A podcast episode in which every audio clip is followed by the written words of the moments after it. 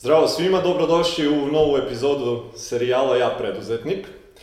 Danas smo u divnom okruženju, opet naravno nismo mi domaćini, ali svejedno ćemo poželjeti dobrodošlicu jednom mladom gospodinu koji je danas sa nama.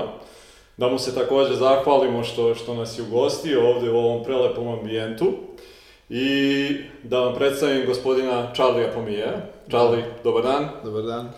Dobrodošao. Ovaj, bolje vas, drago mi je da ste došli kod nas i da smo imali priliku da, ovaj, da vas ugostimo i evo malo da pričamo o preduzetništvu, ako možemo nešto da, da, da korisno kažemo, što će ljudima biti interesantno. Eto, meni je zadovoljstvo. Ja mislim da, da pogotovo u mlađoj ovaj, populaciji koja je negde otprilike, ti si jako mlad momak, vratit ćemo se na to, ovaj, da će im posebno biti dragocena neka tvoja iskustva, obzirom da si ti relativno skoro pokrenuo ovaj, celu svoju kompaniju i sve što se događa oko nje. Pa ću ja za početak da te vratim u 88. jel tako? Da, da, godinu. I da polako, eto, tog nekog tvog detinstva, da nam kažeš par reči kako je došlo uopšte do toga da se ti zainteresuješ za, i za arhitектuru i kako je došlo do toga uopšte da ti počneš da razmišljaš i u kom trenutku o nečemu da bi ti mogao sam nešto da, da pokreneš. Da, da. Pa, ko što smo i pričali ovako nezvanično pre ovaj, ovog snimanja, mislim da je to dosta stvar, ali vratit ću se naravno i na to detinjstvo i na sve nekako redom ovaj, da bih to prošli. E, mislim da se dosta e, ta sama potreba rađa u čoveku ili se rodiš takav ili ne. Jednostavno, od kad sam bio mali, ja sam imao tu, tu ovaj, taj poriv ka preduzetništvu i, i to da sam želeo da jednostavno radim stvari e, sam po znacima navoda, odnosno da pokušavaš nešto novo, da, da, da razvijaš neki svoj proizvod i da si sam negde i odgovoran i zaslužan za, za svoje te neke uspehe i neuspehe. Ovaj, druga stvar je što, kad smo sad pričali to što sam mlad, mislim da je generalno to prednost i da bi trebalo mladi ljudi više da se odlučuju, jer ja čak mislim da dok si mlad ti e, imaš možda i više vremena i, i manje vrste odgovornosti, dalje nemaš e, tu decu i tako dalje, neke druge, neke druge ovaj, obaveze i neku, neku drugu vrstu odgovornosti, nego mislim i ako nešto ne uspe, opet s druge strane nisi odgovoran za neka treća lica koja tu nešto bi trebalo da ispaštaju i tako dalje zbog toga. Tako da mislim da, da ovaj, čak je možda bolje odlučiti se dok si mlad mm -hmm. i pogotovo što u početku to ide jako teško, iziskuje puno vremena i tako dalje, mnogo bolje da tu fazu čovjek prođe dok je mlad i dok nema toliko nekih drugih obaveza koliko ima kasnije. Tako da eto, da se vratim na te neke početke brzinski, ja sam deo svog života prvo ovde, deo u Francuskoj i isto tako sam se i delom školovao, mi smo tamo otišli kada je bilo bombardovanje i ostali par godina, posle smo se ovaj, vratili u, u Beograd, tu sam završio arhitektonski fakultet, osnovne i master studije i onda sam posle toga nekoliko godina e, gledao da što više različitih poslova ovaj, iz različitih, različitih oblasti radim vezano za arhitekturu, čisto da bih video od svega, ovaj, ne samo od svega pomalo, nego da bi stvorio neku širu sliku kako izgleda i rad na gradilištu, i rad u birovu, i, i, i kako izgleda izrada interijerskog ovaj, plana i projekta, i vezano za namešta i tako dalje. Tako da sam tu te neke dve godine pokušao da što više različitih stvari naučim, i paralelno s tim naravno razmišljao o tome kako da nešto svoje ovaj, da nešto svoje pokrenem, onda je to već išlo malo po malo negde spontano, naravno teško je, teško je u početku kad, kad napraviš samo jedan, dva, tri artikla, pa to nekako nije dovoljno da bi bila neka ozbiljna ponuda, ali tu možemo da pričamo i nadalje kako je bilo u mom slučaju, ja verujem da možda ima u nekim drugim ovaj, oblastima da, da isto može da se primeni, kako ti neki početci, da dok si mali, dok imaš jednu stolicu i jedan sto, pošto na početku nemaš dovoljno financija da sad napraviš jako puno toga, ovaj, kako smo mi krenuli i eto kako smo došli do ovde. Pre nego što dođemo do, do Charlie Pomijeja, samog da, nameštaja, da, ne tebe kao da. ličnosti, da. E, toga smo se isto dotakli u ovom nezvaničnom delu pre nego što smo počeli da snimamo. Tebi ovo nije prvi da tako kažemo, izlet u e, preduzetništvo. Da, da. I e, to je ono nešto što smo malo prespomenuli, što je isto jako bitno da ljudi ovaj, shvate da, da mali boj, broj preduzetnika uspe iz prve. To sam baš sad teo da kažem. To je neko mo i moje iskustvo, iskustvo ljudi koje poznajem i iskustvo nekih e, stranih e, uspešnih ljudi. E, jako, jako, jako redko da, da se uspe iz prve, zato što prvi put, bez obzira koliko god ti i slušao i čitao i o, bio obazriv i tako dalje, uvek tu postoje neke stvari na koje možda nisi dovoljno obratio pažnju ili si mislio da neko kad nešto kaže da nije dovoljno u pravu, da bi ti to, ne znam, bolje, drugačije i tako dalje. I onda ipak na svojim nekim, nažalost, iskustvima ti shvatiš šta je dobro, šta je loše, već po, posle, uh, kad imaš nekoliko ideja možda koji nisu uspele, ti već za sledeću, treću, četvrtu stvar vidiš već mnogo bolje možda prepoznaš da li je to stvar koja može da uspe, mm -hmm. da li nije, zašto nije, šta je dobra ideja, šta nije dobra ideja, šta može da se sprovede u delo, jedna stvar je ideja, druga stvar je šta može stvarno da se komercijalno prodaje i tako dalje, znači tu ima jako puno ovaj, stvari, tako da ja sam isto imao, prva je bila neka ova ideja za veterinarsko zdravstveno osiguranje, da, da kućni ljubimci imaju to neko ovaj, što se mesečno uplaćuje, pa posle imaju lečenje besplatno koliko do toga dođe, druga je bila neki online shopping centar i tako dalje, znači sve su to i bile ideje koje ja mislim da i dalje nisu loše, e, i na kojima sam ja naučio šta je to što ovaj što treba na sledećem poslu promeniti da bi on eventualno bio mhm. uspešan. Tako da ovaj Mislim da, da, da si tu isto sad rekao jednu bitnu stvar, pokušavam da, da je onako kroz neke razgovore koje vodimo e, provlačim konstantno, obzirom da mislim da se nekako u, u, u, u sa dolaskom tehnologije i svega došlo je do toga da je ideja najvažnija stvar da bi neki projekat da. uspeo. Mislim da ljudi i dalje jako zanemaruju rad koji je da. potreban ja sam sad eto na, na osnovu te dve ideje, pogotovo recimo tu koju su da. spomenula za, za uh, osiguranje, mislim da je uh, nešto što će sigurno u jednom trenutku ovde biti. Ali isto da. tako mislim da sad 10 ljudi krene da radi na, na toj ideji. Uh, mo, može da se desi da svih 10 uspe i da onda neki 11 koji će uraditi neke stvari koje su potrebne, znači ne zavisi da. od same ideje, zavisi i od onoga ko tu ideju sprovodi u delo i od rada i, i, i svega naravno. što je on spreman da uloži da bi to nešto uspelo. Da, da, naravno i koliko je on sam kvalitetan, koliko izgora tu ideju dobro i tako dalje.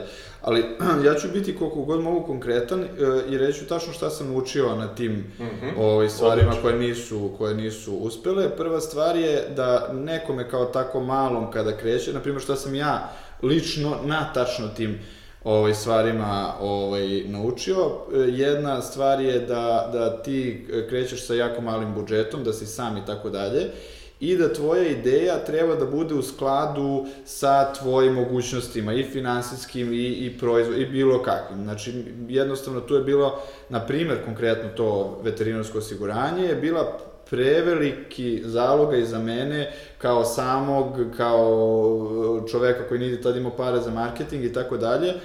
Znači, e, jednostavno mislim, to je prva stvar, da ideja treba bude srazmerna uopšte mogućnostima i finansijskim i kapacitetima, koliko vas ima, da li je to sam čovek ili neka ekipa od nekoliko ljudi i, ovaj, i tako dalje. Druga, druga stvar je da, e, kako bih to rekao, to se negde to se negde vezuje opet e, opet se vezuje na tu na tu prvu stvar a to je da e, isto je vrlo bitna, znači tu još ima još dve stvari. Druga stvar je bila da sam mi počeli posao za koji sam ja posle shvatio opet na račun ovih prethodnih e, pokušaja, da je bitno opet kad sam krećeš da nije potrebno, to ja tako nekako formuličem, postojanje kritične mase da bi nešto uspelo. Šta to znači? Znači to da mi kad smo krenuli ovaj posao, nama je bilo dovoljno na početku, meni je bilo dovoljno da prodam 106 stolica i ja sam mesečno sasvim ok zaradio. Mhm. Znači ne treba meni broj od 1000, od 100.000 korisnika, da li je to za ovaj online shopping centar ili je to za ovaj veterinarski, e, veterinarsko zdravstveno osiguranje, nije mi potreban veliki broj ljudi da bi ta ideja jednostavno polako krenula da funkcioniše. Znači, može da krene od malog i da ide ka velikom. A, ovaj, a te neke stvari, na primjer ove dve prethodne koje sam naveo, one, one moraju, one idu na količinu. Znači, one jednostavno idu na količinu, tu su jako male sume pojedinačno i ti, bez obzira da li hoćeš da imaš neki uspešan sajt ili hoćeš da imaš ovaj, to veterinarsko ili vjerojatno 100.000 drugih stvari koje postoje, ljudi kreću od toga, to je vrlo važna stvar i to ljudi negde previde, ko što sam i ja, a to je jedna od najbitnijih stvari, je da ti krećeš sa jako malim brojem ljudi. Znači ti svako misli, sad sam ja to smislio i dobro, sad će to svi, pa kako će svi to da koriste? Znači ti moraš da dođeš do prvog, pa do petog, pa do 25. pa onda, znači jednostavno je jako bitno da ti, da tvoja ideja funkcioniše i sa petoro ljudi. To je ono što ja ljudima pokušavam da objasnim, zna razno razne stvari, to mi ja pričam čak i razno razne neke druge stvari kako su nastavile velike firme, Facebook je zanimljiv u 10 ljudi. Znači, meni je nebitno uopšte da li Facebook koristi 300 miliona ljudi, ako ga koristi 10 mojih prijatelja, on je već ima smisla i on je već zanimljiv. I to je ono što je suština. Instagram koji nastao isto ovaj, kasnije, je nastao opet e, kao nešto što je zanimljivo za filtriranje slika. On je nastao originalno kao aplikacija koja filtrira slike i koja postavlja to na Facebook. I onda se on malo po malo kasnije kroz godine razvio kao zaseban sajt i kao zasebna ovaj, aplikacija, ali je to jako bitno da ti u startu ne moraš da imaš ogroman broj. Mo, mo, postoje te ideje koje zahtevaju ogroman broj korisnika u samom startu, ali to treba jednostavno po meni ostaviti nekim većim igračima koji odmah u startu mogu da ulože velike pare, da. imaju infrastrukturu, marketing, zaposlene ljude i tako dalje i koje to, na primjer, neka osiguravajuća kuća, kuća bi vrlo lako bacila samo to u svoj program, da. oni već imaju gomilu prodajnih mesta, imaju svoje ljude koje rade i tako dalje, njima bi to bila samo jedna od ponuda koje bi oni mogli neki period malo marketički da, da, da ovo istaknu, ali ove, imaju celu tu infrastrukturu i sve to i onda je to potpuno neka druga polazna osnova. A, a mislim da za neke ljude koji tek kreću, koji su početnici, da je bolje da kreću od nečeg malog, od neke manje ideje, koja potencijalno može da se razvije yes. ovaj, na nešto veće. Da. Reci mi, e, nakon ta dva ovaj, iskustva koja si imao sa navedenim e, idejama, e, kad se javlja sama ideja o Charlie Pomijevu kao brendu Da, o brendu nameštaja. Mm -hmm. Pa ja sam se u jednom trenutku, uh, ja sam sve te ideje paralelno radio sa arhitekturom van posla, Ovaj, I negde mi je bilo kasnije prirodno, možda to u mom slučaju ovaj, tako, možda ljudi ne treba da se vezuju, mislim ja bih volao da se ne vezuju za svoju profesiju, bez obzira što sam se ja vratio ovaj, toj arhitekturi, mislim da ne treba nekome da bude kočnica to što je završio neki određen fakultet, pa sad ne bih hteo da se bavi što, da. nema veze, mislim ne treba da ovaj, se tu ograničavaju, ali meni je ipak to bila negde najbliskija oblast ovaj, ipak ta arhitektura i ti interijeri i tako dalje što sam ranije godinama radio i negde bio prirodan sled da, da krenemo polako da pravimo nameštaj i ovaj, jer, smo, jer sam jednostavno o tome već dosta znao. I znao sam o tome i šta je dobro i šta je loše i kako se radi i šta se traži i šta je kvalitetno i tako dalje. Mislim, mnogo, jednostavno to je bila neka oblast koja meni bila bliska i onda smo krenuli ovaj, u celu tu stvar polako. Onda tu dolazimo do neke opet nove stvari koja mislim opet da je za svaki posao bitna, a to je da ti opet naravno, to je taj početak priče, krećeš od nule i da je potrebno po nečemu da se razlikuješ u samom startu i da ništa ovo ne bi vjerojatno postojalo, da sam ja sad napravio neku običnu ovaj, stolicu i sto, nego smo se mi onda u tom, u tom početku trudili da je to nešto drugačije. Znači, to je bila ona stolica koja se sklapa i sto koji se sklapa i tako dalje, to je sve nešto bilo i, i čudnog izgleda, da bi privuklo pažnju i bilo je ta komponenta da može da se sklopi, da se odloži. To je nama i značilo, to ću posle pričati, zbog slanja, da jednostavno možemo da šaljemo ovaj, svuda u svetu, dok još uvek nismo imali distributere i tako dalje. Ali mislim da je ta komponenta inovativnosti jako bitna, ovaj, da bi ti jednostavno privukao pažnju, jer opet ti krećeš potpuno od nule, nemaš pare za reklamiranje i, ovaj, i tu je važno da, da, da nečim privučeš pažnju i da pokušaš koliko god je moguće na neki besplatan način da, da dođeš do što većeg broja ljudi. Kad kažeš e, da ste krenuli sa, sa celom uh, idejom, koliko vas u tom trenutku ima? Ili si ti sam da, pa dalje? Ne, ja sam sam i dalje, s tim što sam imao uh, jako dobru ekipu tih svojih saradnika koji su bili stručni od mene u tim oblastima kojima se bave. Da li je to vezano za drvo, za tapaciranje, za tako dalje. Znači tu smo mi zajedno ovaj, uz njihove savete kako šta bolje uraditi i tako dalje u tu nekoj vrsti tehnologije. Ja sam bio zadužen za ideju, za dizajn i za koncept i za marketing i razvoj toga, a oni su bili tu mnogo stručni što se tiče sa te ove, da kažemo, po znacima navoda majstorske strane. I to mislim da je sada e, jako dobra, jako dobra kombinacija, jako dobra sinergija te dve te dve stvari, odnosno ja sam vidio da i, imam i prijatelje koji rade druge stvari, i odeću i torbe i razno razne druge stvari. Jako je dobra ta, ta, e, to, da se, to spajanje ljudi koji znaju tradicionalno da rade jako dobro posao, da su to neki koji prave tašne, cipele, namešta i bave se razno raznim stvarima i mladi ljudi koji imaju neke nove ideje, koji imaju neki nov dizajn, koji znaju to da plasiraju, koji poznaju jako dobro internet i o, sve to ovaj, nadalje i to se pokazalo u mom slučaju i znam jako puno dobrih primjera drugih, gde se to pokazalo jako dobro da ti ljudi koji, na primjer, prave torbe, jednostavno to odlično rade i, i, i tačno im fali ta jedna osoba koja će, na primjer, da im smisli neki dobar dizajn, da to posle dobro plasira, da napravi dobre slike i tako dalje, čime taj čovek ne može i ne ume da se bavi.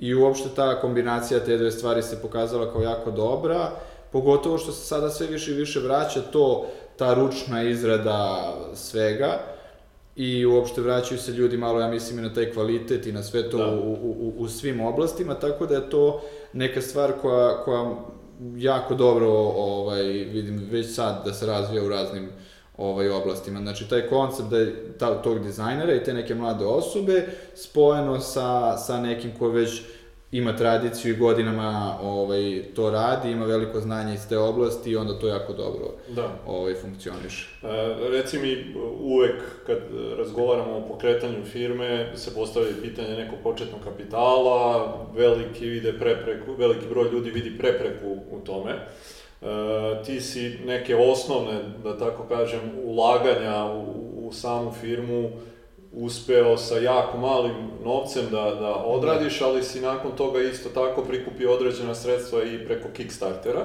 Da. Tako da bih voleo malo da približimo ljudima da, da e, razumeju malo da, da postoji i ta opcija, da, da. pa ako možemo da prođemo kroz da, taj sve ćemo ovaj proći, da, to sve redom uopšte kako je išlo. Prva stvar je da sama ta ideja, pogotovo ja e, generalno kao, zato sam valjda i privatni, generalno ne volim da se oslanjam na, na sreću I u tom smislu, e, zato naravno pričati posle o Kickstarteru, ali dobro je, bilo bi dobro da je sama ideja čak i da ne zahteva Kickstarter. Mm -hmm. On je nama bio, ja verujem, sad da, da ne pričam ovako na pamet, ali ja verujem da bi mi uspeli i bez Kickstartera, možda bi nam mm -hmm. duže trebalo i tako dalje, ali mislim da bi uspeli i bez toga, što je bitno, ovo što sam pričao na početku, znači da ta ideja može da se krene sa nekim malim novcem iz nekoliko razloga. Prvo, zato što, isto to što smo pričali na početku, vrlo moguće da neće uspeti, u, u, ako neko prvi put počinje nešto, znači zato isto jako bitno da se tu ne potroše neke veliki ovaj, novci.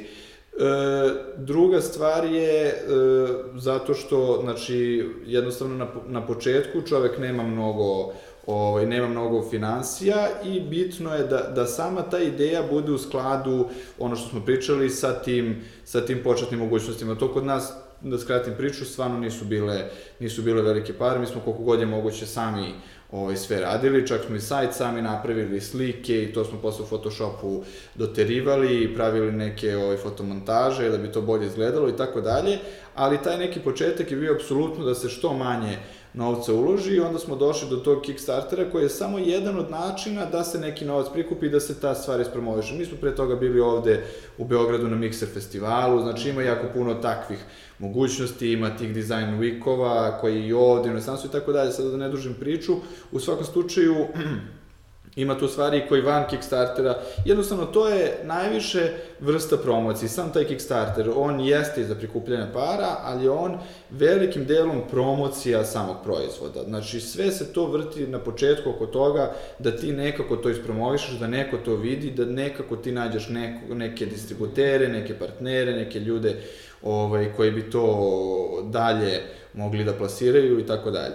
Što se tiče samo Kickstartera, tu, tu mogu neku, neku kratku priču da ispričam. Postoje, e, i tu ću negde napraviti paralelu o čemu se radi, postoje dve platforme, jedna je Indiegogo, druga je Kickstarter, e, koje su neke sličnosti i razlike. U principu je Kickstarter e, bolji u svemu od Indiegogo, a prvi je nastao i to je izvorno prvi sajt tog tipa crowdfunding, odnosno za prikupljanje novca. E, da objasnim e, kako to funkcioniše za one koje ne znaju, ti napraviš neki, neki projekat koji može da bude i fizički, može da bude i, nešto što nije, na primjer, snimanje filma.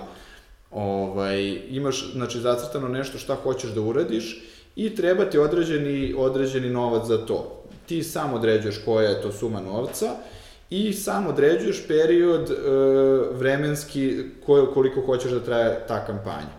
Kada se ta kampanja završi, odnosno tokom te kampanje, ljudi unapred e, ili kupuju ili doniraju novac za tu ideju. Znači, ako im je ta ideja interesantna, ako oni hoće da ovaj, se snimi film o Nikoli Tesli, na primer, oni svi kroz neki modalitet nagrađivanja daju određeni novac, na primjer u filmovima, čisto da bih nagradila, oni im daju, na primjer, prisustvo na snimanjima ili im daju, ne znam, neke karte za premijeru da. ili tako dalje, tako, znači smisle, šta je tu vrlo bitno što ljudi nekako možda ne shvataju zašto to naglašam, zato što ljudi misle da tu ljudi poklanjaju pare, a to nije, znači ljudi i na Kickstarteru očekuju nešto za uzvrat za novac koji mhm. daju. Kod, kod fizičkog proizvoda je to lakše, jer ti fizički proizvod faktički možeš da ga prodaš unapred, odnosno na taj način skupljaš novac. Ako tog projekta, kad, na primjer, praviš film ili aplikaciju ili tako nešto, nemaš šta fizički, pa im onda jednostavno nudiš nešto što, ovaj, što uopšte možeš da im ponudiš. Ali ovaj, ta kampanja znači ima određeni vremenski period i ima određenu sumu koju si ti zacrtao da treba da osvojiš. Ako osvojiš manje od te sume, njima se ne skida sa računa i ti ništa ne dobijaš a ako osvojiš preko tu sumu ili preko te sume, na primjer, da, da. 10.000 evra ili sve preko 10.000 evra, ti dobijaš ovaj, taj novac. E, opet, vezano za Kickstarter je tu nama pomogla ta inovativnost, jer opet smo mi tu dobili, e, što smo dobili besplatno, to je da na Kickstarteru naravno ima jako, jako, jako puno proizvoda, projekata, odnosno ti kampanja, u, u svakom trenutku i oni jako mali bro, broj, odnosno jako mali procenat tih kampanja imaju način da obeleže kao Project We Love. Odnosno, na neki način ga Kickstarter obeleži kao nešto što se njima sviđa i među to, tim projektima je bio i ovaj naš projekat. Znači, tu je bitno zato imati dobru inovativnu ideju, zato što se ti opet i tu dalje boriš, pogotovo tu teško, jer se ti tu dalje boriš sa inovativnim idejama. Znači, tu je već svako ko je na Kickstarteru se potrudio, ima neki video, ima nešto zbog čega je tu i tako dalje, pa sad ti među tim svim projektima treba nekako da se izboriš i izdvojiš. Ovaj, da bi te ljudi, da bi te ljudi tu primetili. I onda je to nama dosta pomoglo, kako su nas oni obeležili ovaj, na taj način. Mi smo posle imali dosta više, i postoji jednostavno i statistika i sve, vidiš da jednostavno mnogo, mnogo više ljudi posećuje tu tvoju stranicu na Kickstarteru, tu tvoju kampanju i tako dalje. Sada da ne dužim priču, negde samo da napravim paralelu i, i šta je, u čemu razlika između Kickstartera i Indiegogo, a Kickstarter je platforma na kojoj e, ne može iz Srbije da se čovek prijavi, znači mora da bude, to oni zovu permanent resident, neke od zemalja ili Europske unije, Amerika, Kanada, Japan i tako dalje, sve te u principu ovaj, razvijene zemlje, ali što ne treba da bude kočnica ljudima ovde, zato što je to samo u pozadini same kampanje. Znači, to se nigde ne vidi i može, e, meni je, na primjer, čak i ja, bez obzira što sam francus, imam adresu ovde u Beogradu, tako da nisam permanent resident mm -hmm. Francuske, to je moj brat koji živi u Parizu, je bio u tom smislu iza kampanje nosilac što se tiče bankarskih računa i tako Da. dalje. Znači, to može da bude neki ili rod koji živi u inostranstvu, ili prijatelj od poverenja, ili tako dalje. Znači, ne treba ljudima to da bude kočnica, da kažu, eto, to ne može zato što ne može iz Srbije. Može, svako ima nekog prijatelja koji živi u inostranstvu ili nekog rođaka i tako dalje. To je jedna stvar. Ovaj, tako da tu je, tu je negde razlika između Kickstartera i Indiegogo. Indiegogo je u principu po svemu lošiji, sad njega malo da ispričam o čemu se tu radi, mada ga ja ne bih nešto mnogo savjetovao, a reću iz kojih razloga. E, Indiegogo može iz Srbije, jedino je to prednost, zato što funkcioniše preko Paypala, a Paypal može ovaj, iz Srbije. E, e, Indiegogo je nekako nastao, po znacima navoda, kao kopija Kickstartera i meni se čini da oni onako tu jednostavno sve može dok se tu neke pare okreću. I to je njima, oni se samo time vode malo, Kickstarter ima neki, e, ne- neki nivo koji želi da održi, prvo ima nivo, znači e, ti kada snimiš, kad napraviš kampanju, ona ide prvo kod njih na uvid, pa onda ako je sve ok, onda oni to puštaju, Indiegogo automatski ti kako uploaduješ kao na YouTube, kako na, uploaduješ, tako to ne prolazi nikakve, niko to ne pregleda, automatski je kampanja ovaj, live. E, to je druga stvar, znači može odakle god, e, pre, zašto je preko Paypala, to je treća stvar.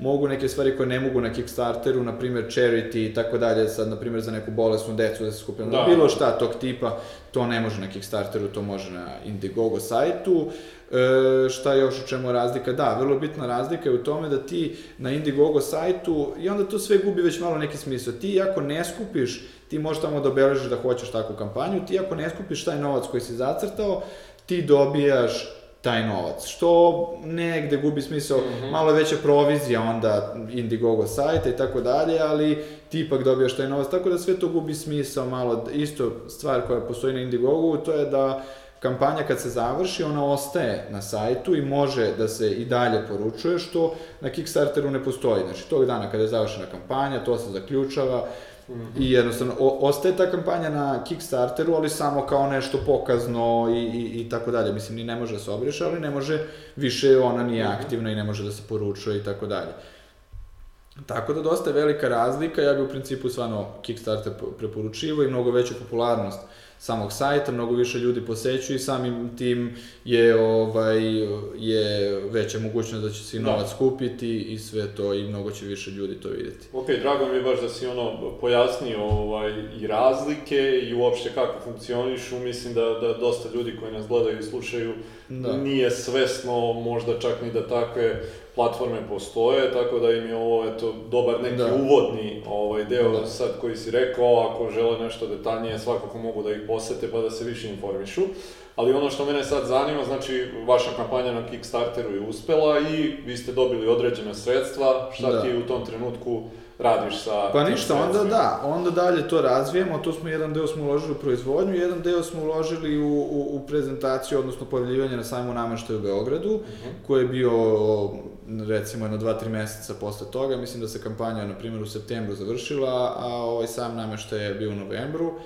Tako da nam je to, jednostavno tako smo išli korak po korak. Znači prvo smo, onda smo išli na taj Kickstarter, onda smo no- novac od toga uložili opet u prezentaciju na sajmu i onda tu već stvari kreću malo po malo, sve više i više da se, da se ovaj, razvijaju. Naravno sve to paralelno sa svim tim vremenom i preko Kickstartera, a, a, a i ovako jednostavno samim pojavljivanjem na svim tim društvenim mrežama i tako dalje, mi nalazimo polako i partnere ovaj, u koji su zainteresovani za taj naš namještaj i za taj naš koncept. I tu već stvari, tu već prelaziš tu neku prvu stepenicu eh, koja je vrlo važna, ne samo finansijski, nego prvo ti si vidio da se to ljudima stvarno sviđa i to su sve provere, znači jako su bitne te provere. Taj Kickstarter je, znači nije samo za skupljanje novca, nego je, ko što sam rekao, prvenstveno i za marketing. Nas je tu jako, jako veliki broj ljudi video iz čitavog sveta, to je ogromna stvar i to je stvar koja mnogo više vredi od tih samih para Da, koje da. smo dobili, to je jedna stvar, druga stvar je taj novac koji smo dobili i treća stvar je jako bitna da si ti tu testirao svoju ideju. Znači ti si tu pred jednim ogromnim svetskim auditorijumom te- testirao ne samo svoju ideju, je, stvar je jedna ideja, druga stvar je da li bi to ljudi kupili po toj ceni, jer tu ima i cena i ljudi Jasno. s- mogu da kupuju, znači to je potpuno druga stvar, da li se nekome nešto dopada, ali da li bi platio za ovaj, to, tu cenu.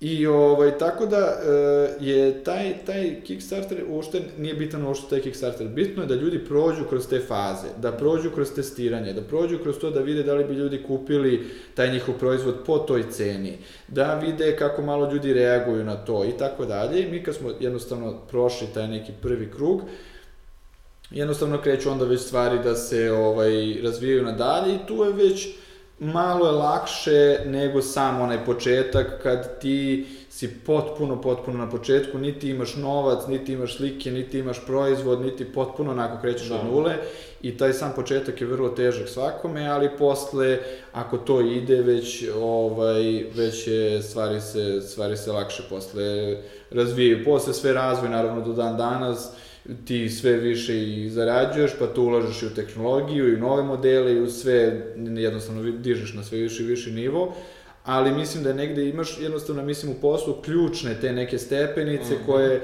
ili pređeš ili ne pređeš.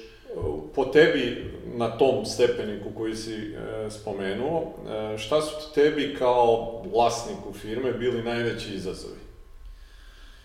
Pa, na, ne znam šta bih izdvojio, jer tu ima jako puno tih paralelnih koji u svakom trenutku se dešavaju. Najveći izazovi e, nisu bili, koliko možda ljudi misle, neki administrativni i takve neke stvari, čak ni logistički postati, mi smo našli, mislim, nije mhm. bitno, neka me ljudi kontaktiraju, pa ću mi ja objasniti kako mogu da se šalju neki proizvodi i tako dalje na kućnu adresu, da sada ovaj, ne, ne dužimo tome. E, pa, mislim, najveći bio izazov izboriti se sa tom konkurencijom, pogotovo, na primjer, kako u nameštaju, tako vjerojatno i drugim oblastima, da ti kao jedan jako mali, e, jako mala firma, budeš konkurencija nekim firmama koje postoje već 20, 30, 50 godina, koje, koje jednostavno su po ceni, e, konkurentnije po mnogim stvarima, imaju mnogo ozbiljnije mašine i to je bilo meni negde na samom početku e, jako teško, kako mi u jednoj radionici sa nekim relativno običnim mašinama da pravimo nameštaj koji je visoko kvaliteta i koji skupo košta kako bi mogli da budemo konkurentni mm sa ovaj, ostalim firmama. I tu je onda već malo stvari dizajna, kako to smisliti, a da može da se napravi, a da dobro izgleda i, ovaj, i tako dalje. Znači, jednostavno, nije ni stvar, ljudi misle da, da je tu stvar samo dizajna, a, a ne shvataju da opet se tu vraćamo negde na taj početak, da ti treba da dizajniraš nešto što možeš i da napraviš. I to je ogromna stvar da li ti dizajniraš, da, da li si ti dizajner u nekoj velikoj firmi, koja je, ne znam, italijanska firma koja imaju mašine koje vrede milione evra i gde ti šta god zamisliš što može da se napravi, ili ti u svakom trenutku moraš da razmišljaš kako ćemo to mi i da napravimo. Mm -hmm. Znači da taj dizajn isto bude u skladu sa tvojim mogućnostima, da bude atraktivan, da bude primamljiv i tako dalje, i tako dalje. Tako da, to bilo. da, da se vratimo sad na ovaj e, trenutak, e, ti sada u ovom trenutku imaš negde oko 20 ljudi u, u firmi, ako sam te ja dobro Da, razumio. recimo da tako, otprilike da, oko 10 ljudi koji se bave tim drvenim konstrukcijama i sve što je vezano za drvo, stolovi, komode, garderoberi, nije ni bitno. I drugi je još jedno 10 ljudi koji se bave ovaj, sve što je tapacirano, kauči, kreveti, fotelje i tako dalje. E, koliko je vremenski prošlo od, od osnivanja firme? Tačno, firma je osnovana kada? Firma je osnovana pa tačno dve godine, ja mislim sada. Mm -hmm. Tačno dve godine sada, ali dve godine sa tim početnim, sigurno jedno 4, 5, 6 meseci bilo to baš početno testiranje, mm -hmm. pravljanje prve stolice. Mi smo prvu stolicu, prvo ja sam se uhvatio stolice jer je to najzahtevniji ovaj komad uopšte u nameštaju, jer stolica treba da bude konstruktivno jaka i udobna i lepa i onako sve komponente moraju, mislim, generalno je najzahtevniji ovaj proizvod, tako da smo prvi taj proizvod sigurno 4-5 puta menjali dok nismo došli do nekih pravih ovaj, karakteristike, tako da znači dve godine je prošlo do, od, ovaj, od samog samog početka sa svim tim početnim i testiranjima i, i, i, i, ovaj, sa svim tim, e, evo, do, do dan danas od, od nastanka samog, znači od tebe samog u firmi do, do da. sada ovog trenutka gde vas ima negde 20, e, kolika je promena koju si ti doživeo? Generalno e, te pitam za neka iskustva koja si stekao kroz ove dve godine kao preduzetnik, jesi li e, smatraš i da, da sama firma se na neki način menja u skladu sa, sa onim koji je vodi. Pa naravno, sve je to, sve je to povezano, sve se to menja, mislim, i, i ja se menjam, i firma se menja, i, i ne samo zbog iskustva, jedna stvar je iskustvo, druga stvar je opet, naravno, kasnije dolaziš da možeš neke stvari da radiš koje ranije nisi mogo baš zbog tog broja ljudi ili zbog nekih mašina, ili zbog...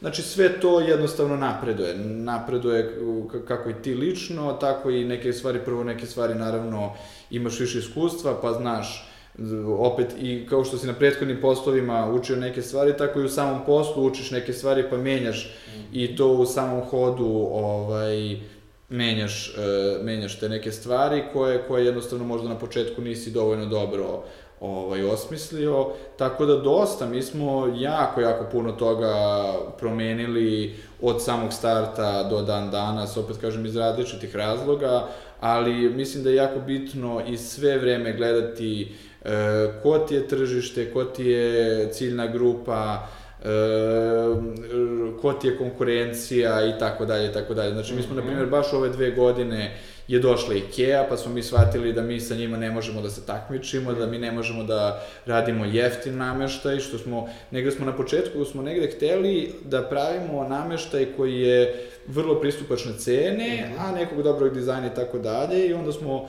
sam ja u, u nekim svojim tim razvojnim ovaj, shvatio da je, da je to jednostavno da su oni prejaka konkurencija, da, da jednostavno sa njima ovaj, se ne treba po meni takmičiti u ovom trenutku i onda smo prešli na neki još skuplji nameštaj, još ekskluzivniji I ja sam gledao šta mi to možemo da ponudimo, što IKEA ne može. Mi možemo da ponudimo to, e, možemo da ponudimo uslugu, možemo da ponudimo kvalitet, možemo da ponudimo da naši korisnici mogu da biraju koji će štof, koje će drvo, koju će kožu. Mm -hmm. Znači, to je da budemo drugačije posvećeni tim klijentima, što neki veliki sistemi ne mogu. Znači, tako da sam ja tu gledao šta je to što mi, gde smo mi jači od njih, šta je to što mi možemo ponudimo više od njih?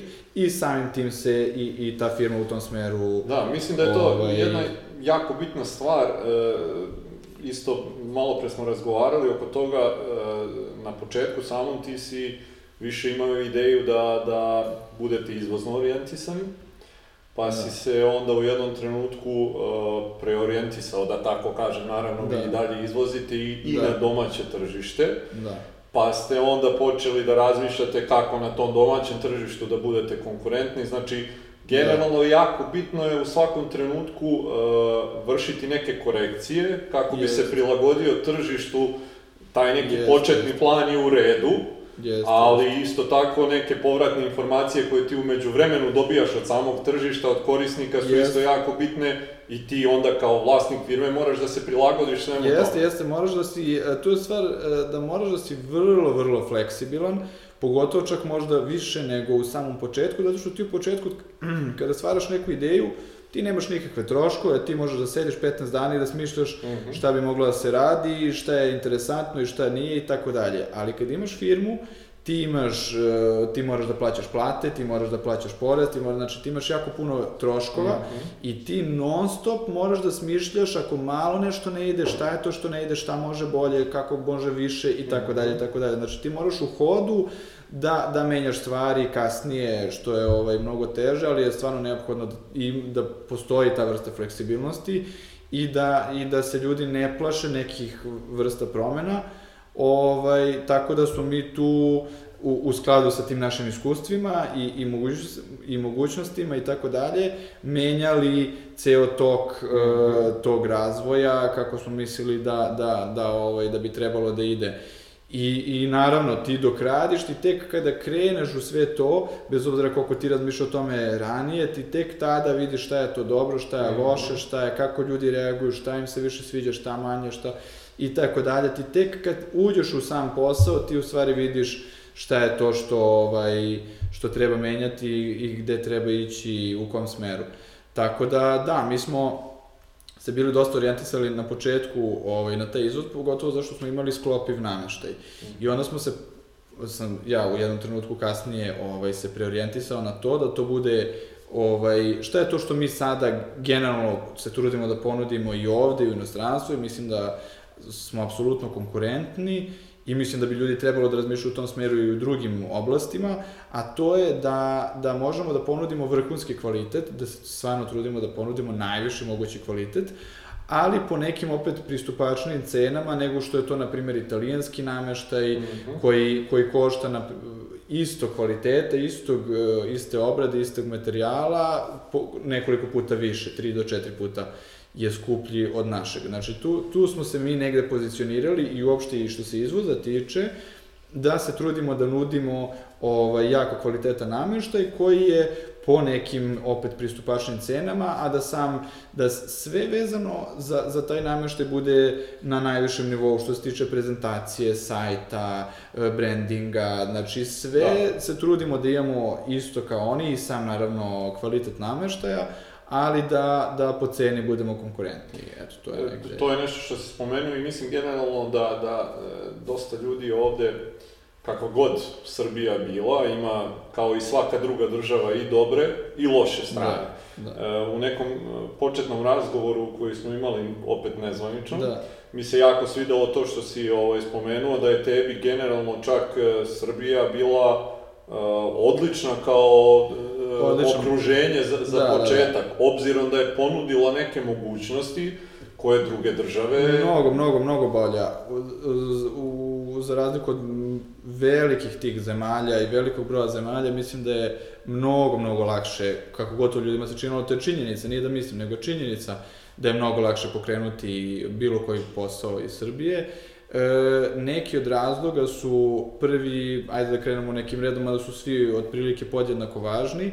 Jedna stvar je konkurencija, ti kada krećeš u Srbiji, mnogo je manja konkurencija nego u Nemačkoj, Francuskoj, Americi i tako dalje, gde su prisutne najveće te firme, kojima Srbija uopšte nije ovaj, tržište i kojima uopšte nije interesantna, tako da ti sa nekom svojom koja god da je ideja, čime god da se baviš, šta god da proizvodiš, imaš u startu već konkurencija ti je ti je mnogo manja i imaš, imaš mesta da malo već to eto pokreneš koliko toliko, pa da onda ideš u tu Nemačku, Francusku ili gde god, ali ti već tamo, znači kad dolaziš, ti već dolaziš mnogo jači mm -hmm. nego da si, da si krenuo ovaj, tamo. Druga stvar je, e, druga stvar je vezano za financije i mislim da ti manje novca treba da bi pokrenuo ovde posao nego da bi pokrenuo inostranstvu, to je druga stvar. Treća stvar je da je sama e, sama proizvodnja, sam, sama radna snaga mnogo ipak jeftinija ovde nego u inostranstvu. Tako da ti imaš dosta prednosti što možeš ovde da ponudiš. Mm -hmm. e, jako je bitna stvar isto što stvarno e, mi kao Srbija imamo e, potpisane sporazume sa razno, mislim, stvarno su jako, jako smo dobro u tom smislu pozicionirani. Znači, mi imamo sa Europskom unijom e, faktički nema izvoza, malo ima neka procedura da, papirološka i tako dalje, ali nema nekih velikih nameta što se tiče da to ne znam nešto mnogo poskupljuje. Znači to je cela Evropska unija je faktički tržište. Sa Rusijom imamo potpisan sporazum, sa Belorusijom imamo CEFTA sporazum koji je za celo ovo okruženje.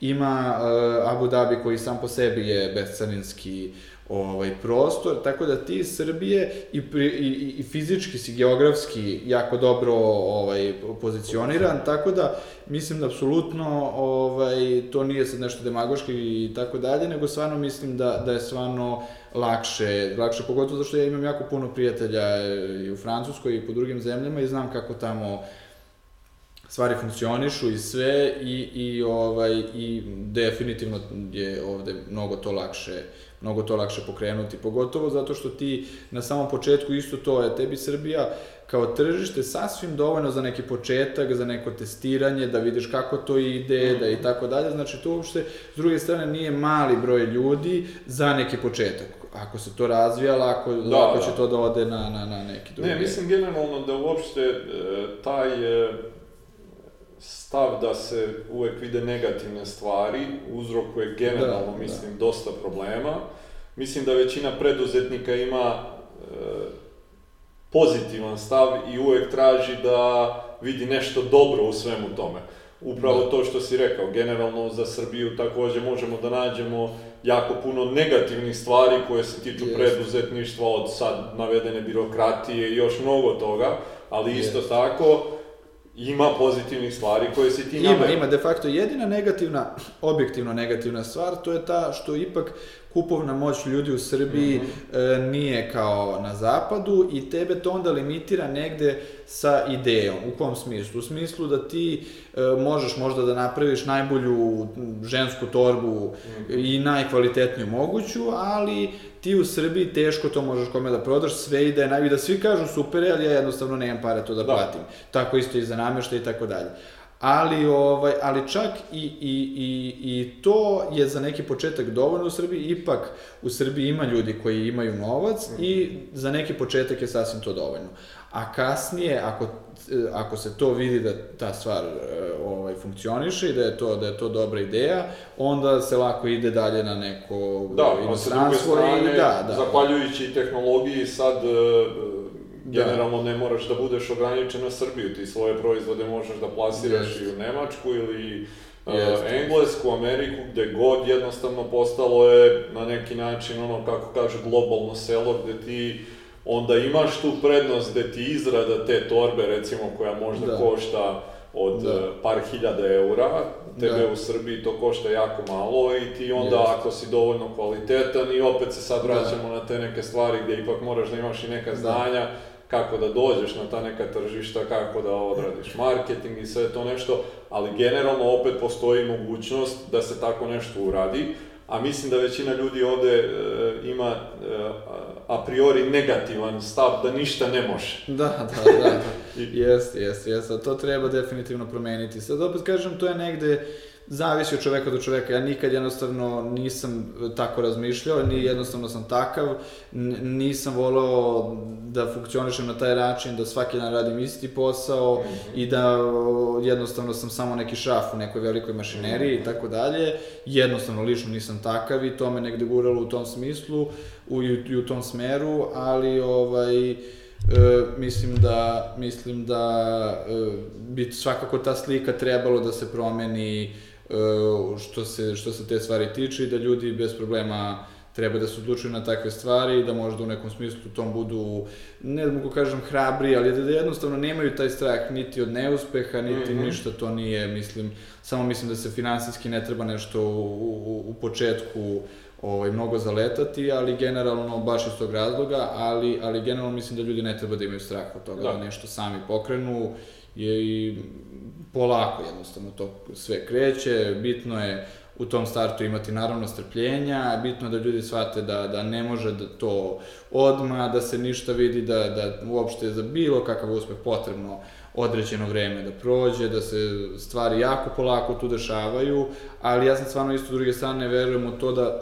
ti ako jednom napraviš kvalitetan proizvod i kvalitetno to radiš, da to stvarno posle može godinama da traje i ovaj, da isto tako kako se stvara, tako posle i s druge strane jako teško jako teško možda ide nizbrdo ako nastaviš naravno da taj kvalitet održavaš i tako Da. dalje. Generalno zanima me, obzirom da, da smatram da, da svaki preduzetnik na neki način mora da, da se unapređuje, da uči svakodnevno e, za sve ove godine poslovanja i to, koji su to tebi neki načini na koji si učio nove stvari, da li E, mislim, generalno što se tvog poslovanja tiče, sigurno moraš da pratiš i dizajn, e, Da. svetske trendove i te neke stvari, ali postoji li još neki način edukacije, da li su to knjige ili tako nešto što se tiče samog preduzetništva, koje tebi na neki način pomažu da, da se razvijaš dalje? Pa što se samog preduzetništva tiče, to najiskrenije ne. To je te neke stvari koje sam ja, možda, ja, možda ljudi, svako možda negde drugačiji. Ja sam negde na svojim nekim iskustvima se uvek trudio da, da, ali mislim da je to vrlo bitno, da vrlo kritički razmišljam i da nemaš tu vrstu, jednostavno da čim vidiš ako nešto ne ide, šta je to što ne ide, šta je to što može bolje, da se stalno trudiš, tu jednostavno u jednom trenutku shvatiš da tu nema, nema kraja, nema granice, sad je to to. Evo, kao sad je ovo moja ponuda namešta i to je to. Ne, uvek može bolje i, i, i, i ovo sada što ja, kakav sad nameštaj pravim, sigurno da može bolje i tako da je to jednostavno stvar koja je nikad ne prestaje. Znači, uvek može da bude bolje, uvek može da bude kvalitetnije, ne samo možda nameštaj, ti posle radiš, može da bude bolji sajt, može da bude bolja usluga, može da bude bolje pakovanje, može da bude, budu bolje slike, može, mislim, tu nikad nema jednostavno kraja, znači to stalno, stalno, stalno, stalno mora da se unapređuje, da budu kraći rokovi, da bude, ne znam, znači stalno ti, taj posao, to je negde moja, ono, da, da stalno može nešto da se popravi, da se uradi bolje i, i da je to nešto što se nikad ne završava. I, I to je negde meni lično bila glavna stvar. A što, smo, što se tiče ovog samog, e, što sam učio vezano za taj sam posao, to je pa sad stvari i, i što interneta, što u, uopšte stalno e, usavršavanje u, u, toj, u, toj, u toj oblasti. Znači, i što se tiče gledanja časopisa, čitanja, odlaze, odlazak na strane sajmove, e, znači stalno to neko poređenje sa tim ljudima koji to vrhunski rade, ovaj, tebe dovodi do toga da ti budeš samo mhm. bolji i bolji, da ti uvek moraš da imaš nekog, mislim, ja pretpostavljam da svako ima neko ko to ipak bolje radi.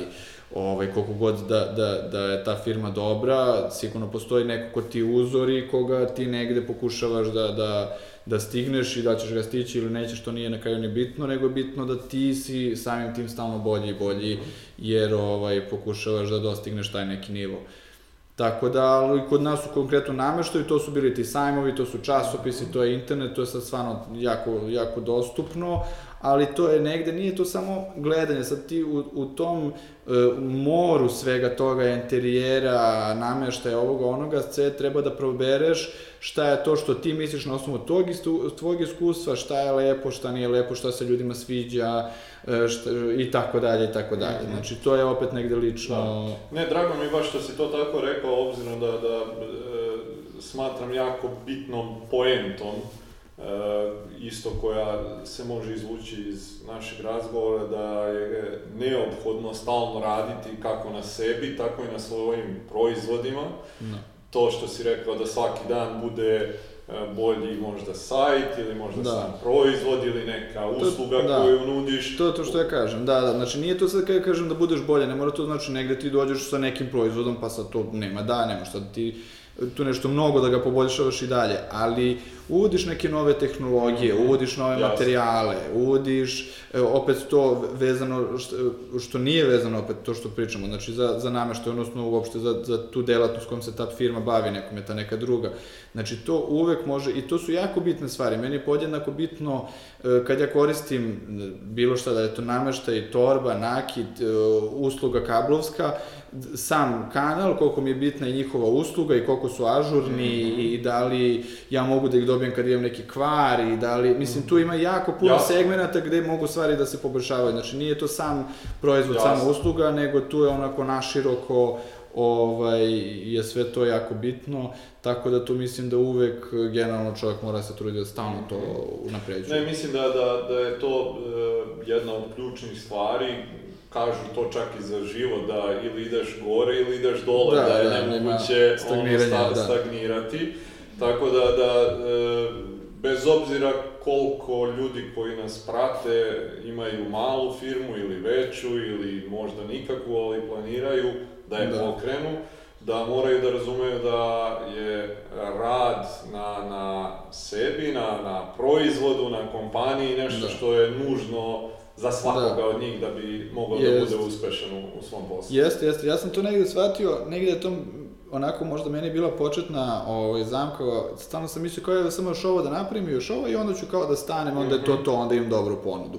I u stvari ti shvatiš kad to napraviš da bi onda moglo, da bi ovo da. moglo bolje, da, i ti u jednom trenutku shvatiš da se to nikad neće desiti da, da. i da ne treba da se desi, nego da jednostavno je to jedan živi proces, da se to stalno menja, da se to stalno savršava, da stalno može bolje i to kao tako prihvatiš. Da. I, ovaj, Mislim da, da, da to ti se nekako i otvara, ono, sa svakim novim korakom da, koji ti praviš da. neki novi vidici Da. I onda da, jednom kad, ono kažu, kad se um raširi, kad vidi određenu spoznaju, da. ideju koju ima, onda ne može da se vrati na, na, na prethodno stanje, pa da, i to, nego da. to gura sve dalje i dalje da. u, u celoj toj nekoj priči. I to, naravno, ali opet s druge strane, ja znam dosta nekih firmi koje se bave dobro i nameštim nekih drugih, koje negde imaju jednu zakucanu ponudu i u jednom trenutku možda to pre 10-15 godina bilo dobro, sada je to mhm. potpuno zastarelo i ja ne vidim u njima to da oni tu nešto menjaju, da oni, nego jednostavno to tako da u jednom trenutku onda tavori i onda to tavori, tavori, tavori i na kraju propadne. Mm -hmm. Znači jednostavno mislim da je bitno da ljudi shvate da čime god se bave, sve se menja. Znači mm -hmm. menja,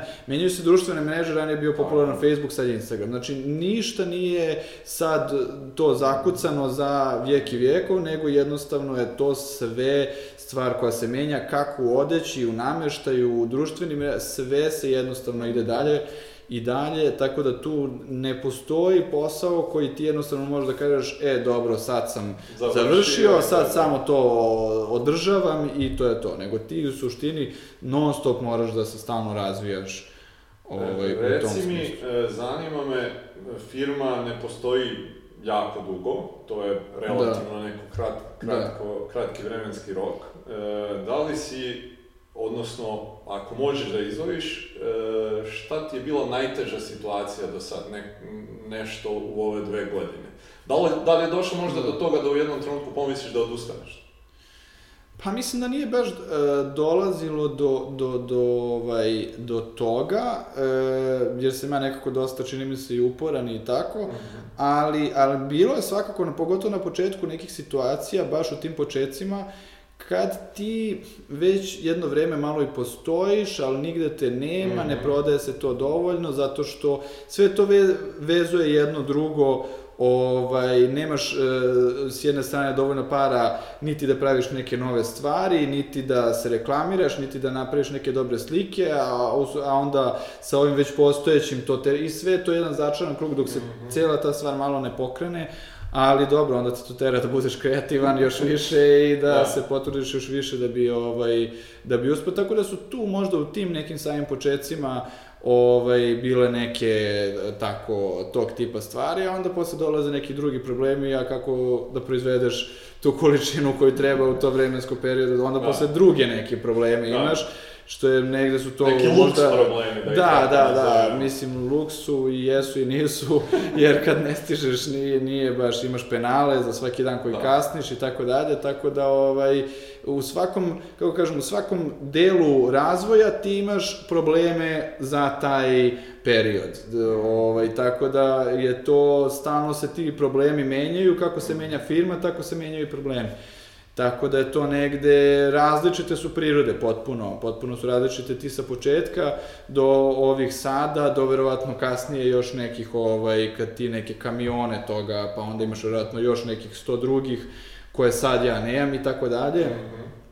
Ovaj, tako da to nekako ide u skladu, ali sve se to, sve se to rešava, nije to, nije to ni jedna stvar, e, e, u tom smislu nije nerešiva. Ako ti imaš dobar proizvod, ako stvarno kvalitetno to radiš, ako se trudiš, sad ti ćeš i nailaziti na neke probleme, ali to će se rešavati i, i to je, to je, ovaj, to je sve stvar koja se negde u hodu je normalna da, da, mhm. ovaj, da postoji. Reci mi, e, neki tvoji planovi za budućnost, da li ih imaš i, ili da. pokušavaš onako da to držiš fleksibilnim, pa... Pa dobro, i negde fleksibilnim, ali negde i imamo, ovaj, imamo neki plan. Plan nam je da, kao što smo to krenuli sada ovde u Beogradu, bez obzira što imamo dosta distributera po, po inostranstvu, da polako otvaramo baš Charlie Pomije e, radnje mm. u, u inostranstvu, zato što nam to pruža neke druge stvari koje nam distributeri ne, ne, ovaj, ne pružaju a to je da, na primer, kad imamo svoj salon, neko kada tu dođe, mi možemo da mu ponudimo razno razne neke stvari koje se rade po meri, koje, koje ne može distributer na osnovu našeg kataloga mm -hmm. da ponudi, u kompletno opremanja sa arhitektonskim, odnosno interijerskim projektom i tako dalje, tako znači jednostavno nam je to neki plan da u nekom narodnom periodu otvaramo svoje ovaj svoje baš predstavništva u u ovaj inostranstvu i da se da se na taj način širimo.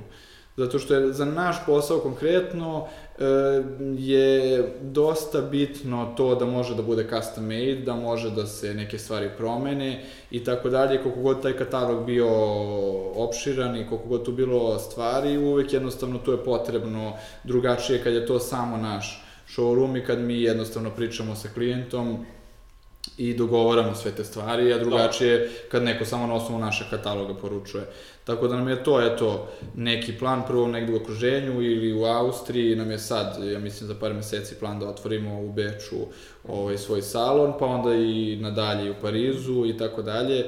Ovaj, tako da, eto, to je neki plan za sad.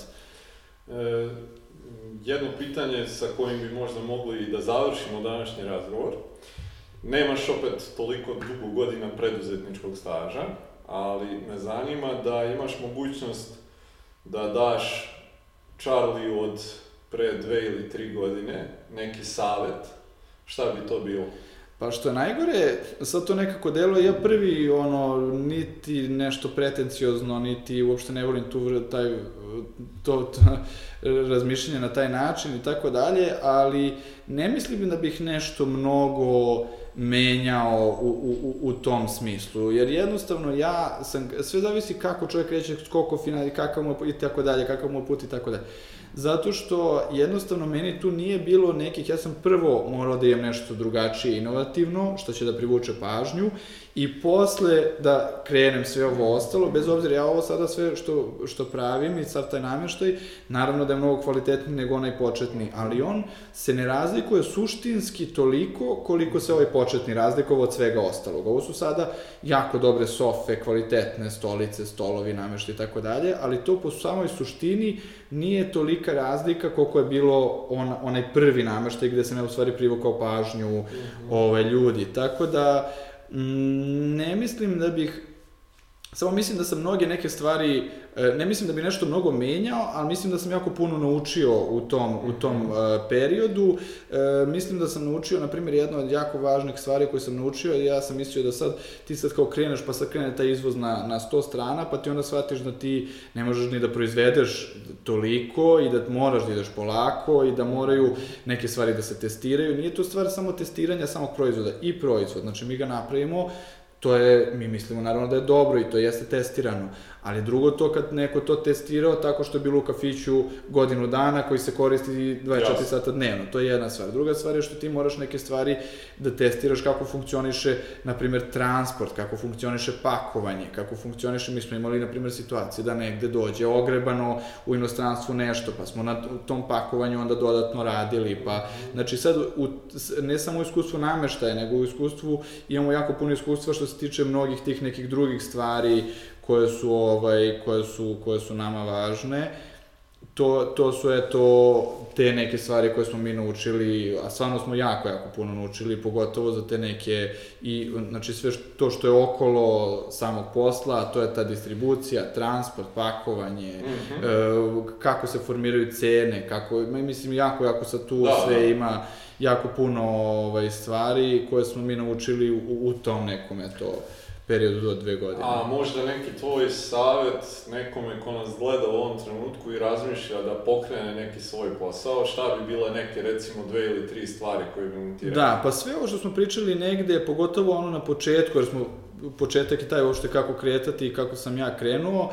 E, mislim da, e, da, da, da, je tu, da je tu vrlo važno postaviti par tih stvari e, ajde negde da probam da ih, da ih ponovim. Prva stvar je da to može, da to ne bude preveliki zaloga za samog tog čoveka, prvo i finansijski i to da je on sam, da on sam sve to mora da stigne i tako dalje, znači to je jedna stvar, znači da to sam čovek može da, da izgura tu priču. Druga stvar je da, da ta, e, po meni je bolje pokrenuti neki posao, opet ponavljam, koji može da se razvije od malog ka većem, znači da tebi dovoljno da prodaš malu količinu nečega, za početak, pa posle ćeš, ako Bog da sve više i više, da ne moraš nek, da odmah neke hiljade komada. To je druga stvar. Treća stvar je e, da jednostavno to se i meni negde pokazalo da je taj kvalitet jako, jako bitan, da ako radiš mi ovde uopšte i kao Srbija, mi možemo da se takmičimo samo kvalitetom, mi ne možemo da se takmičimo, bez obzira jeste ovde jeftinija radna snaga, ali još mnogo jeftinija radna snaga u Kini, mm -hmm. tako da ovaj, će ti proizvode tih velikih ove, konkurenata uvek biti jeftiniji, znači uopšte ne treba ići na to i to je isto negde, ako se bavi proizvodima, ne treba da. praviti jeftine proizvode, da. to je moje neko lično mišljenje i lično neko moje iskustvo, zato što ti velike, uopšte velike firme, a pogotovo još koji rade u Kini, koji prave u Kini, ti ne možeš njih ovaj sa cenom da da da ovaj da budeš konkurentni od njih jednostavno potpuno nema šanse da ti možeš to jeftinije da praviš od njih. Ovaj, tako da eto, to je još jedna stvar na koju bi ljudi trebalo da obrate pažnju. E, trebalo bi da obrate pažnju da ako mogu na početku budu koliko god je moguće e, što više inovativni, to im je besplatan marketing, e, ljudi to na, na, na društvenim mrežama šeruju, dele, preporučuju, šalju, znači ako nešto je inovativno, tebi je to strašan besplatan marketing. Ja sam na jako, jako puno časopisa izašlo, izašlo što je interijerskih, što blogova, što na internetu i tako dalje, samo zato što je sam proizvod bio inovativan, znači ta opet negde inovativnost je znači bitna. Tako da eto, to su neke stvari od kojih bi ljudi mogli ovaj, da krenu, pa posle ovaj, naravno, naravno sve nadalje i bitno je tu ajde kad zaokružimo celu priču, ovo sve što sam sad rekao, sve te stvari na koje dobrate pažnju, kad naprave taj proizvod, jako je bitno da to, ovaj, to testiranje i to da, da traže mišljenje od drugih ljudi, da ne budu pristrasni, nego da kažu prvo svojim prijateljima, a posle čak i neprijatelji, jer prijatelji će možda da ti kažu, ja, super je, ovaj, zato što su ti prijatelji, znači stvarno objektivno neko da ti kaže da pokušaš nekako kako god, da li je to kickstart, da li je to kakav god da je način, da pokušaš objektivno da vidiš ko, kakvo je mišljenje drugih ljudi o tom proizvodu, to će ti strašno značiti, da li da ga poboljšaš ili ako uopšte nije dobro da ga potpuno batališ i to uopšte nije strašno. Znači ljudi ne treba da se plaše tog vrste, te vrste neuspeha, nije uspelo, nije uspelo, uspeće nešto drugo, slegnu se posle stvari, za dva, tri meseca batališ to, kreneš nešto skroz drugo i, i polako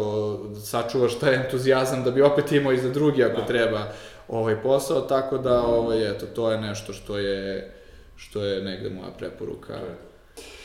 Čarli, hvala ti puno za, za izdvojeno vreme i e, mislim hvala. da će neka iskustva koja si izneo danas ovde značiti e, pogotovo mladim ljudima koji razmišljaju da u ovom trenutku krenu. Želim ti puno uspeha u planovima koje imaš, nadam se da ćemo u e, nekom narednom periodu imati ponovo prilike da ovako sednemo i da porazgovaramo dokle je došlo sa, ostvarenjem, sa ostvarenjem da. svih tih planova. Hvala svima što ste nas gledali u još jednoj epizodi serijala i vidimo se sledeće nedelje. Prijatno. Prijatno.